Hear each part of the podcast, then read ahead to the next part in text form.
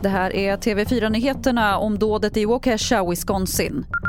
Flera personer har dött och många andra skadats när en bil plöjde in i en julparad i Waukesha i Wisconsin.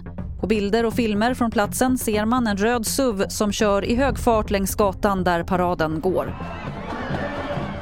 Julparaden är en årlig tradition i Waukesha och tusentals människor hade samlats för att se marschorkestrar och dansgrupper uppträda på stadens huvudgata. Gatan var avspärrad men plötsligt kommer en röd SUV i hög hastighet, tränger igenom barrikaderna och helt utan förvarning plöjer den in i paraden bakifrån. En grupp flickor i tomtedräkter träffas, liksom medlemmar i en blåsorkester. Det ska ha förekommit skottlossning enligt uppgift och förföljande polismän försökte få stopp på bilen. Polisen har tagit en person i förvar. Något motiv till attacken har hittills inte framkommit.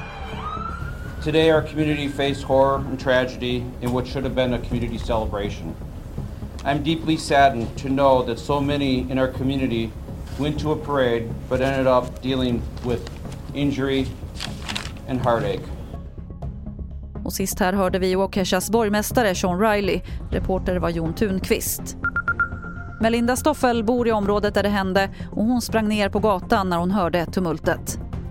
It was just absolute chaos, people screaming, and I immediately ran downstairs outside of my apartment. Kids screaming on the sidewalks. Ja, plötsligt förvandlades den glädjefyllda julparaden i Waukesha till en mardröm då bilen tog sig förbi avspärrningarna och körde i hög fart gatan fram där julparaden pågick. Under måndagmorgonen bekräftar lokala myndigheter att minst fem personer har omkommit och över 40 personer har skadats. En person har frihetsberövats och den misstänkta gärningsmannens fordon är omhändertaget men polisen nämner inte något misstänkt motiv i nuläget.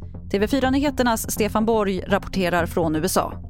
Man har sagt väldigt lite om, om gärningsmannen, eller rättare sagt man har gripit en person av intresse som man säger. Man har inte sagt om det här är terrorbrott, eh, om det var bilens förare, ägare eller vem det var. Vi vet väldigt lite. Nästa besked ska komma i en presskonferens klockan åtta svensk tid ikväll så vi får vänta på de uppgifterna eller vad som läcker ut innan dess.